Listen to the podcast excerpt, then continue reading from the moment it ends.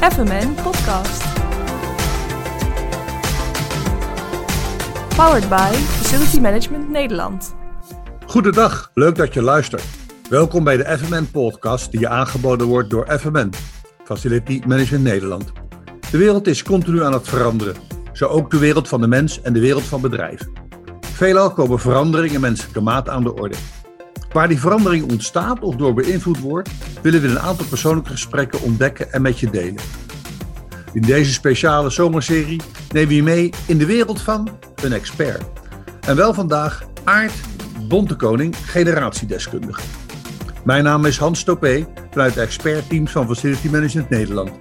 Ik zou zeggen, ga lekker voor zitten en luister naar deze aflevering en de muziek. En ga met ons in gesprek over deze uitzending via onze sociale kanalen of je eigen favoriete kanaal. Veel luisterplezier tijdens deze aflevering. Aart, welkom hier aan tafel bij FMN voor deze podcast. Leuk. Eh, leuk dat je het wil doen. Jij, jij bent generatie-expert. Hoe, hoe ben je dat geworden? Door me erin te verdiepen. Nou ja, in de negentiger jaren zag ik eh, een groep jonge mensen organisaties binnenkomen. En die zag ik heel snel frisheid en energie verliezen. Echt bij wel, ook bij, bij DSM bijvoorbeeld, of bij toen PTT Telecom en zo. En eh, dat ging aan mijn hart. Dus ik ben met hun gaan onderzoeken, wat gebeurt er nou? Wanneer gebeurt dat nou eigenlijk? Ja. En toen ontdekte ik, daar kon ik toch nog niet zo verwoorden, dat als ze meegingen in, in manieren van vergaderen of besluiten of communiceren die gedateerd waren, dan verloren ze energie.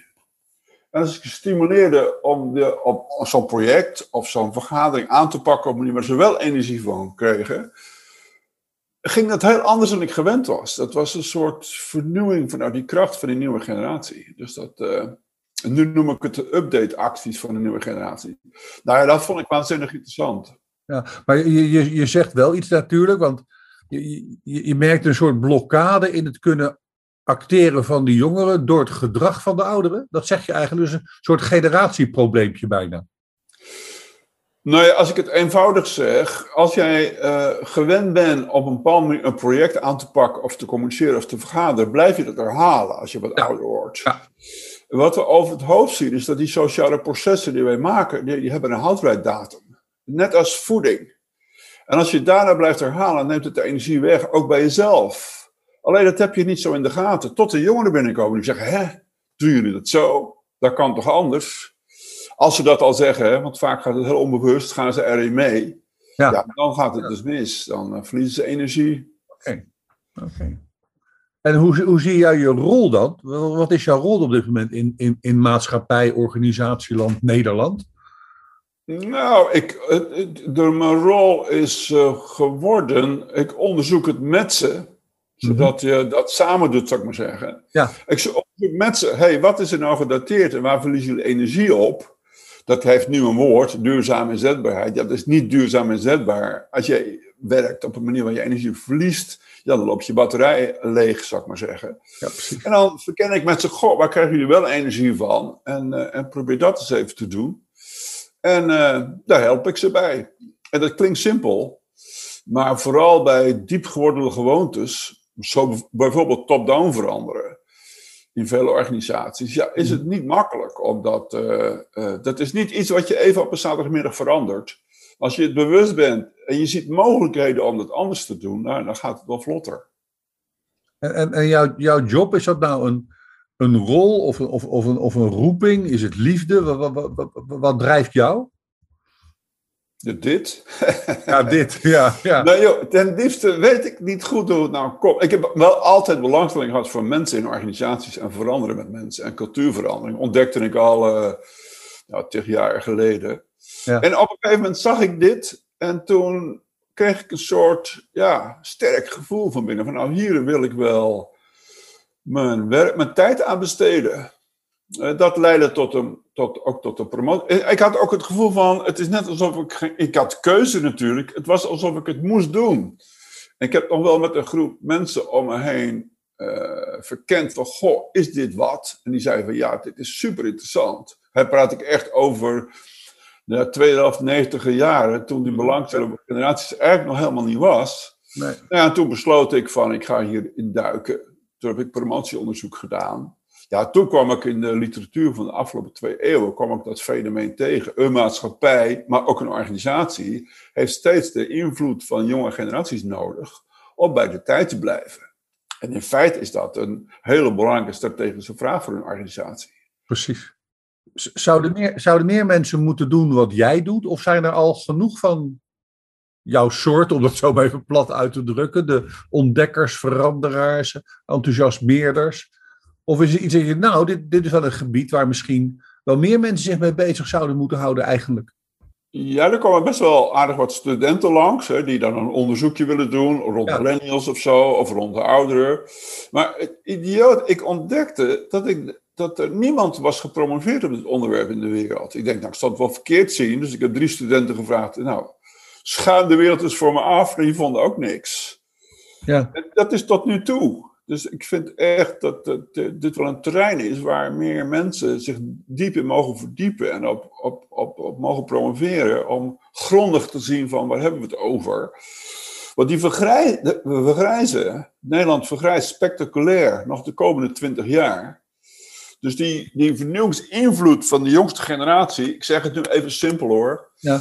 is wel hartstikke belangrijk. We, verdiepen ons wel in start-ups en zo. En, stoppen ook veel geld in om, om nieuwe dingen te ontwikkelen. Maar veel bedrijven zien over het hoofd dat die start-up kracht gewoon onder hun neus aanwezig is.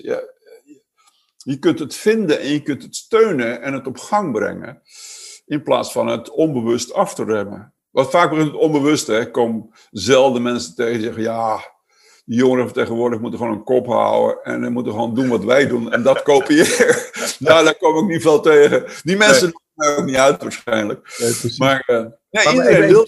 even, terug naar je opmerking over die start-ups. Hè? Die ontstaan ergens. Zeg je daarmee ook dat die eigenlijk in, de in een grote organisatie zelf ook zouden kunnen ontstaan? Zeker, nou dat weet ik wel zeker. Weet je zeker. Maar er is een soort onvermogen om dat, uh, om dat op gang te brengen en te ondersteunen. Een soort, ja, we weten niet hoe we dat moeten doen. Het is, het is ook een beetje nieuw, zou ik maar zeggen. Om ja, jongeren te steunen, dingen te doen over de grens van je eigen cultuur. Dus het is, dat kan een dingetje zijn natuurlijk. Dat is denk ik best vaak een dingetje, ja. ja, ja. Maar het grappige is, ik ben dus ook bij jonge bedrijven gaan kijken. Want ik dacht van ja, die hebben die, die als ik het zo mag noemen, die, die, die, die, die remmers niet van je ervaren collega's. Dus die bouwen echt een eigen cultuur op. Tom en Storm verbazing hadden die ervaren mensen nodig. Want dan werd het wat creatiever en energieker, maar dat knetterde alle kanten op. Dus ze hadden echt ervaren mensen nodig om dat een beetje in goede banen te leiden. Ja, En dat laatste viel nog niet mee. Dus die, voor, voor de jongeren van nu is het heel belangrijk dat je als het ware naast ze staat. Gelijkwaardig als mens. Ja. Maar je hebt wel een andere rol als ervaren rot. Want wat ik ontdekte is dat heel veel ervaren mensen hebben enorm veel ervaring aan boord. Dat noem ik even hun intuïtie. Dus allemaal onbewuste kennis. Mhm. En als die dan meekijken met zo'n groepje jongeren die iets aanpakken op een totaal andere manier, dan komt er kennis naar boven die ze al vergeten waren. En die ze dat toevoegen. En dan, dan krijgt het vaak een versnelling. Kennis die jongeren nog niet hebben. Dat vind ik ook super gaaf om te doen. Daar krijgen ervaren rotten ook veel energie van. Ja, ja, ja. En hoe bereik je dat moment dat, dat, dat, dat die, zeg maar, die klik uh, en het ontstaan van dat proces, dat het, dat het gebeurt? Hoe bereik je dat? De, A, door, door, die, door die, die, zo'n groep jongeren die ook veel energie heeft te steunen. Dus oké, okay, bijvoorbeeld het contact met klanten is wat verouderd. Wat voelen ze dan aan? Nou, pak het maar aan op een manier waar je wel energie van krijgt. Maar dan ook tegen ervaren mensen zeggen: maar goh, wie zouden jullie kunnen steunen? En dat is respect ook naar de ervaring toe, maar dat is geen kunstje, maar dat is ook echt. Zouden jullie mee willen denken? Nou, dat vinden ervaren mensen hartstikke gaaf. En dan krijgen ze één opdracht, je mag meedenken en niet roepen ho. Ja, je mag wel ho roepen, maar je moet ze niet tegenhouden. Laat ze maar, ja, ook eens een vergissing maken, of, uh, maar blijf er wel bij. En, en roep van jongens, dit gaat niet goed. Ik heb echt meegemaakt dat ze zei, jongens, dit, dat ik zelf zei, jongens, wat je nu wil, dat wordt een puinhoop. Ah, zei dus, je hebt beloofd. Ik zeg, oké, ik kijk wel mee. Nou werd helemaal geen puinhoop. Dus dan raak ik in de war en dan voel ik me even ongemakkelijk. Maar door dat toe te laten, ontstaat er wel ruimte voor een hele andere aanpak. Ruimte voor andere aanpak. Ja. mooi. Want je doet net al duurzame inzetbaarheid. Dat is ook, ik kom hem wel eens tegen, maar dan meer in de, in, in, de, in de gezondheidszorg of de mensen die mensen met gezondheid helpen. Duurzame inzetbaarheid, maar jij zit op een compleet ander vlak. Op een heel ander vlak. Ik zit eigenlijk op het vlak van nou ja, dat, dat, dat het verversen van die sociale processen, van manieren van vergaderen, besluiten en veranderen enzovoort, dat dat energie opwekt. Ja, ja. Ik, kom, ik kom wel regelmatig uh, doe ik organisaties tegen waar ze zeggen, ja, die, die, die, die 55-plussers hier, die, die, willen niks meer veranderen. Dus ik dan laten we het even onderzoeken. Weet je wat ze zat zijn? Nee. Top-down veranderen. Precies. Weer zo'n reorganisatie zeggen dan. Ik zeg maar, oké, als wij nou een manier van veranderen vinden, waar jullie wel energie van krijgen, zou je daarin mee willen? Daar hebben ze er nooit over nagedacht. En dat kan dus. Ja. Ja, ja, ja. Dus een, een, uh, het is makkelijk te begrijpen, Mm -hmm. maar uh, omdat je zo vast kunt zitten in zo'n uh, gedateerd proces, is het soms wat lastig om er los van te komen. Maar als je er los van komt, is het net alsof je uit iets stapt dat vastgeroest is, Ja. krijg, je dus, krijg je er zelf ook jeugdige energie van, als ervaren rot. In de muziek zijn veel voorbeelden, hè, dat Barry nou Hay- ja, het, is, het, is, het, het- het is leuk dat je dat bruggetje even maakt naar muziek. Ja. Want, want, want ik heb je gevraagd een muzieknummertje mee te nemen. ja, En, daar, ga, daar gaan we straks wel een stukje van laten horen. Maar, maar kan je ook uitleggen? Dit is, dit is, dit is Wet Dreams van, van Max Romeo. Eh, waarom dat nummer? Ja, nou ja, die, ik, hou, ik, ben, ik hou van, veel van muziek. Purple Rain van Prince vind ik ook prachtig bijvoorbeeld. ik ja. hou veel van muziek. Maar ik ben ook wel dol op, op reggae-achtige muziek, ska-muziek. En dan puur om het ritme. Ik, de, de tekst luister ik niet eens naar. Ik, zag, ik zag nu dat het Wet Dreams heet en denk, oh, er zal wel wat achter zitten. Nou, dat zal wel. Dat zal vast. Maar ik vind ja. vooral die, die, die muziek heel, heel lekker. Nee, dat is waar. Ja. Dat is- ja, Warmte erin, ja. mooie keus. Dan, dan, dan gaan we nu even een stukje luisteren. Oh leuk, ja. leuk, daar gaan we. Every night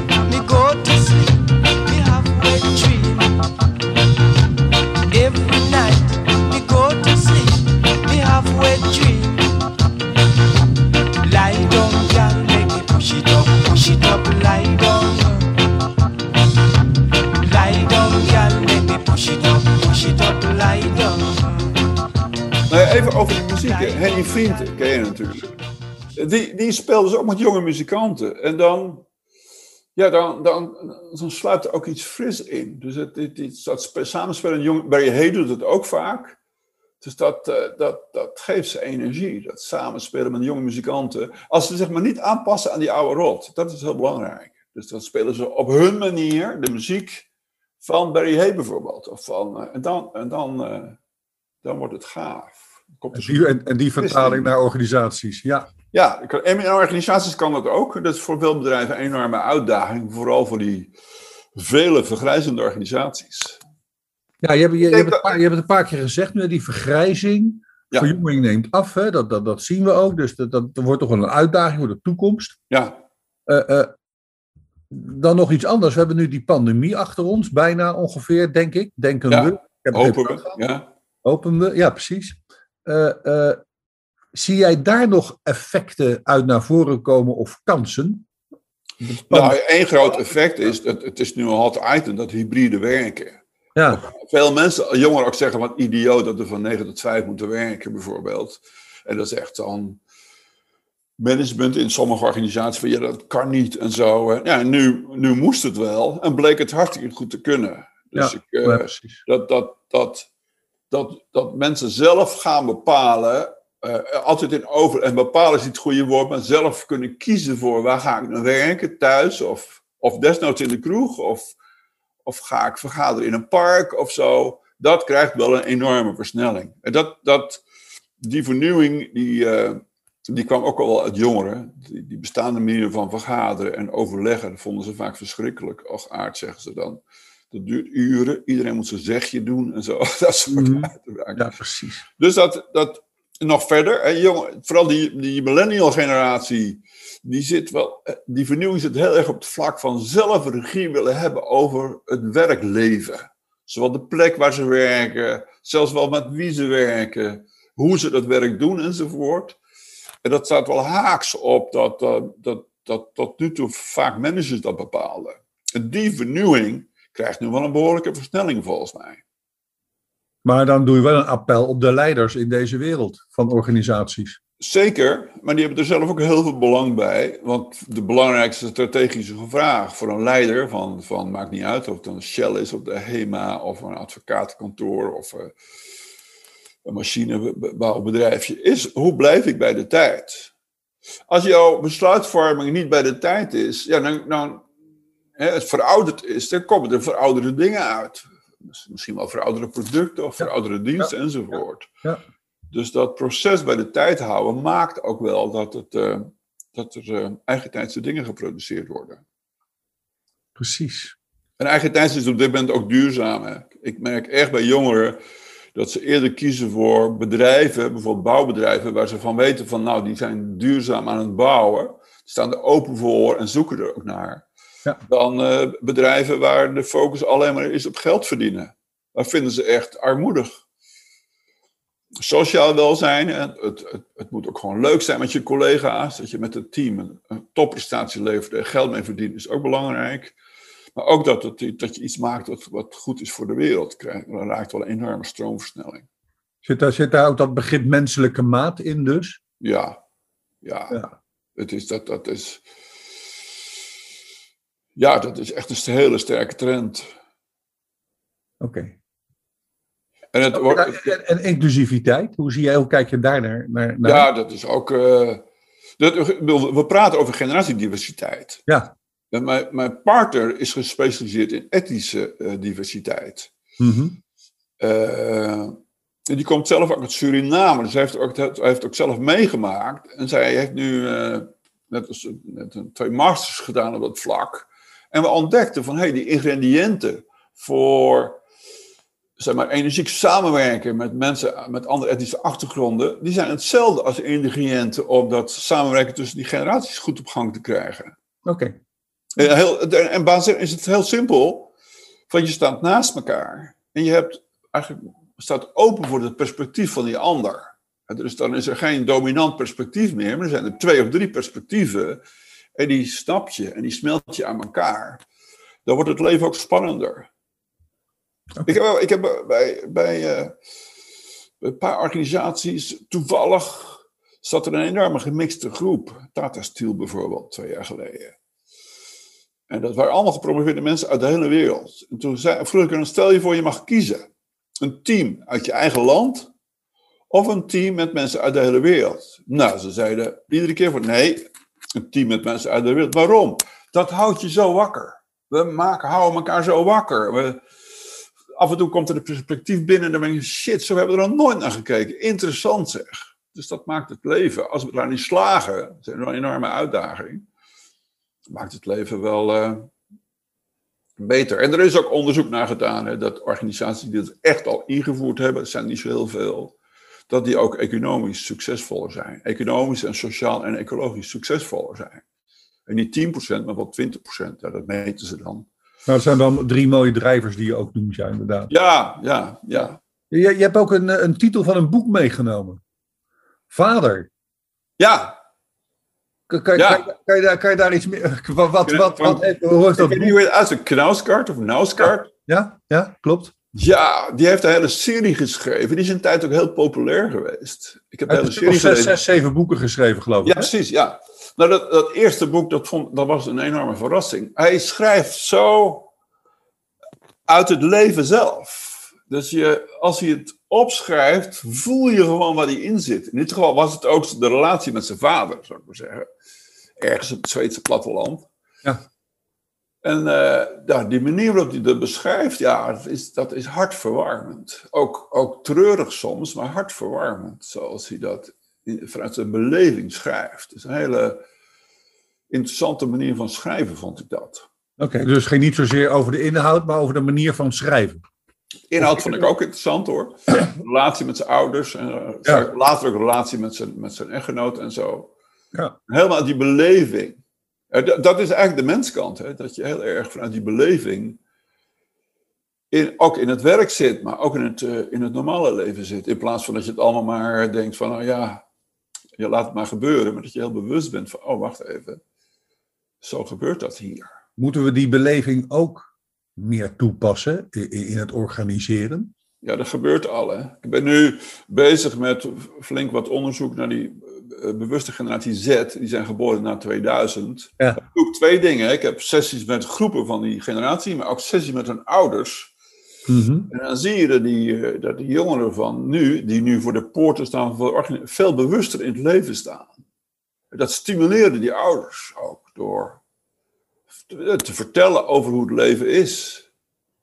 Van ja, eh, eh, eergisteren nog, dat, dat een van die moeders zei van ja, het hondje van opa en oma krijgt een spuitje. En daar ga ik geen flauwekul over vertellen. Ik vertel dan tegen hem van ja, soms is het leven zo. En eh, dus ik ga niet zeggen dat dat hondje naar het asiel gaat, hè, zo'n kutsmoes. Nee, ik vertel echt dat het hondje spuit en dan gaat hij dood. Ja. Omdat hij ziek is. Dan legt ze dat helemaal uit. Dan moet het kind huilen. En dan is ze, goed, we houden hem even over. Het is ook hartstikke verdrietig zo. Dus dan neemt ze ze mee in zo'n procesje van het leven. Dat vind ik waanzinnig om te horen. Nederlandse ouders doen het hartstikke goed, hè. Zeg je dan, zeg jij Nederlandse ouders? Nederlandse ouders doen het heel erg goed. Die staan op nummer 1 van de. Nou, niet als ouders, maar de, die generatie Z behoren, behoren, behoren tot de gelukkigste kinderen van de wereld. Mhm. Omdat ze zich thuis gesteund voelen, veilig voelen. eh, heel bewust gesteund worden in de ontwikkeling. Dat maakt gelukkig, niet verwennerij, maar. Eh, Die verse patronen, ik noem soms updates voor, voor Ja. sociale processen, die worden aangemaakt in die eerste 15 jaar. Omdat ouders hun kinderen op een andere manier opvoeden dan ze zelf zijn opgevoed. Want als ik aan die ouders vraag, zoals eh, eergisteren, van goh, wat is nou het verschil met de opvoeding van jouzelf? Zeggen ze, nee, onze ouders legden nooit wat uit. Ze zeiden gewoon, zo moet je het doen. En wij leggen alles uit. Ja. Nog een leuk voorbeeld naar boven, moet je ook aanspreken, denk ik, vermoed ik. Ja. Die kinderen noemen, noemen heel vaak liefde. Ik denk, waar komt dat vandaan? Nou, prompt. Die ouders zeggen van ja, onze ouders hielden ook wel van ons. Ze zeiden het niet en ze lieten het niet voelen. Wij zeggen het en laten het voelen. Dus dit, waardoor die kinderen ja, beseffen, bewust zijn van dat liefde een belangrijk element is in het leven. Nou, ik kan het er alleen maar in- mee, mee invoelen. Die, die, die generatie Z, daar, daar zit iedereen is daar nu mee bezig. En, die is nu ongeveer aan het einde van nou niet Latijn, maar eh, die is van tot 2020 geloof ik als het goed is. Wat, wat, wat is de volgende generatie, Aard? Dat weten we nog niet, hè? Heb je al heb je- eh, al- in beelden? Heb je al In beelden? rit- nou, in een ritme van 15 jaar komen er nieuwe generaties. 2015 komen er nieuwe. Ik zou het, nee, ik durf dat niet te zeggen, maar ik zou al wel eh, ouders kunnen opzoeken van die generatie om aan hun te vragen: wat veranderen jullie in de opvoeding? Want als ze dat, als ze dat zeggen, dan denk ik van: oh, wacht even, dit sluit erin. Ik weet, ik weet niet goed wat dat is nog. Nee, dat, dat, dat kan. Ja, Nee, ik, ik vraag natuurlijk omdat je wil kijken van, goh, leiders van organisaties moeten rekening houden met die diversiteit in hun generatie die ze aan boord hebben. Jongeren, eh, eh, de, de huk en de liefde. Ja, wat wat, wat, what's next step? Was, was mijn vraag eigenlijk daarmee. Wat is next step? Ja. Ja, maar ja, daar zit ook een valkuil in, want dan willen ze dat weten, kennis over vergaren. Terwijl er ook een hele andere dimensie is. Van, sta maar in het hier en het nu, kijk maar naar de jongeren waar ze energie van krijgen en stimuleer dat. In plaats van Leef Ja, vandaag. Ja. eh, dat je gebruik maakt van de kennis in de vergadering over, nee jongens, we moeten dat doen, want ze zijn zo. Nou, dat gaat het helemaal mis. Heb je nog een, een, als je nou twee tips hebt. Ik, ik, had er gevraagd om één, maar ik vraag er nu even heel eigenwijs om twee. Heb je, wat is de tip voor de jongeren? Dat is vraag één. Eh, voor de jongeren. belangrijkste tip voor de jongeren is: leer je niet aan te passen aan gedateerde processen van oudere generaties die dat onbewust herhalen. Dus denk niet dat ze dat doen omdat ze het willen, maar die kunnen er behoorlijk vast in zitten. Mhm. En, en, je- en je voelt het meteen. Dus als je energie wegloopt, je hebt een gesprek met je manager en je, en je moet een nieuw project opstarten en, je- en je voelt meteen die energie weglopen, dan moet je gewoon even zeggen, wacht even, mijn energie loopt weg. Ik, zo wil ik het niet aanpakken. Ik ga er even over nadenken hoe ik het wel aan wil pakken. Dus even een time-out. Denk je er over na, misschien met generatiegenoten en zeggen, wij willen het aanpakken, maar op die en die manier. Dus eh, ik vind ook dat alle opleidingen, vooral omdat jongeren van nu te maken krijgen met eh, een groep 45-plussers die alleen maar groeit. Dus dat op hun manier leren samenwerken met die oudere generatie is goed voor hunzelf en goed voor die oudere generatie. Dat is wel een van de grote. Maar zeg je daar ook mee, want er steeds meer ouderen zijn, dat het voor de jongeren dan moeilijker is? Ja. Ja. ja. Wat is dan de tip voor die ouderen? De tip voor de ouderen is eigenlijk, dat als je ouder wordt, gaat het om twee dingen. Wees zelfbewust van waar je energie van krijgt en doe dat. Eh, want daar komt er iets anders uit dan bij de jongeren. En het tweede is daar open. En pas je niet aan aan die jongeren, want dat is een enorme valkuil. Want dan verlies je meteen energie als je dat doet. Nee, sta ervoor open, laat je me in de war brengen en kijk mee. Dus vrijheid voor jongeren betekent niet van, nou, ga, laat ze hun gang maar gaan. Nee, stimuleer dat ze doen wat ze energie van krijgen. Maar blijf meekijken. En roept wat in jou opkomt. Dat je, ja, met die ervaring zie je dingen die jongeren niet zien. Dan zal je zien dat dat vernieuwen en die ervaring goed bij elkaar komt. Dat dat dan echt een team of een organisatie verder brengt. Tot slot, Aard, nog één woord. Wat is jouw woord van vandaag? Mijn woord van vandaag. Boah, wat is mijn, mijn woord van vandaag? Eh, diep, ja, een soort van werken met een diepe ontspanning. Ik, ik, eh, golf jij ook of niet? Ik heb het gedaan. Oh, ik, ik doe het wel en ik ben nu aan het oefenen. Want ik heb ook die neiging om die bal zo'n map te geven. Weet je, dan, werken betekent inspannen. Nou, werken betekent werken, maar vooral dat doen met een diepe ontspanning. Dat vind ik wel eh, een enorme uitdaging. Dus niet mappen, maar diep ontspannen. Bij mijn lezingen de oefening er ook in. Ontspannen staan, goed weten wat je over hebt. En dan sta je ook open of zo. Dat zou mijn woord zijn. Diepe, Diepe ontspanning. terwijl je aan het werk bent. Ja, dat snap ik. Ja, Ja, mooi. Ja. Aard, dankjewel voor Graag gedaan. verhaal. En eh, wij spreken. oké, superleuk hè. Jo, dag Hans. Dat was hem dan. De aflevering De Wereld van Aard Bontekoning. Aard, nogmaals dank voor je mooie bijdrage. Kijk ik terug, dan ging het over generaties, durven, luisteren, generatie en jeugdgeluk. En vooral in het werken de noodzaak van diepe ontspanning. De redactie wordt gevoerd door communicatie van FMN en de techniek is in handen van Niels Peters. Dank ook weer aan jullie.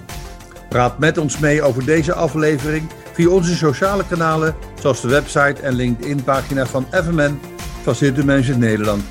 En luister ook naar alle andere podcasts op FMN Podcast of je eigen podcastkanalen. Bedankt voor het luisteren en een mooie dag nog. FMN Podcast. Powered by Facility Management Nederland.